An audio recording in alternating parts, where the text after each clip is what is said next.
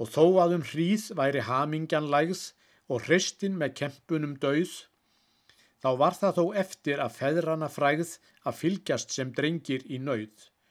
Og hér síndi fólkið sem nefana skók og hópaðist bryggjurnar við, að flokkurinn sá sem við fjöndunum tók var fjörugt og einhuga lið.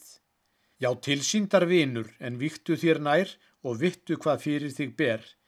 Þá sérðu hvort danskinum svima það fær að sjá þennan byltinga hér.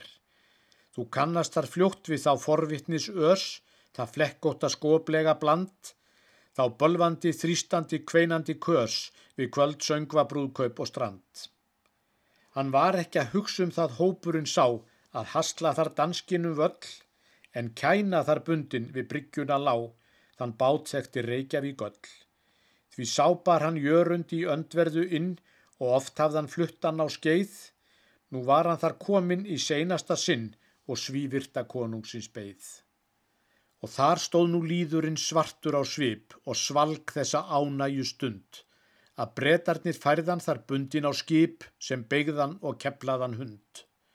Því lengi vann svikarinn landinu mein, en loksins kom dómurinn hans, er kongurinn mólaði bein fyrir bein í búki þess landráðamanns.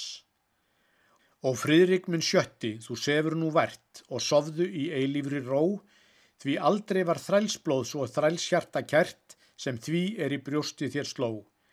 En gott var þú fegst ekki flokkina sjá sem færði hér jörundi nýð, þér hefðorði flökurt að horfa þar á svo hundflatan skrælingja líð.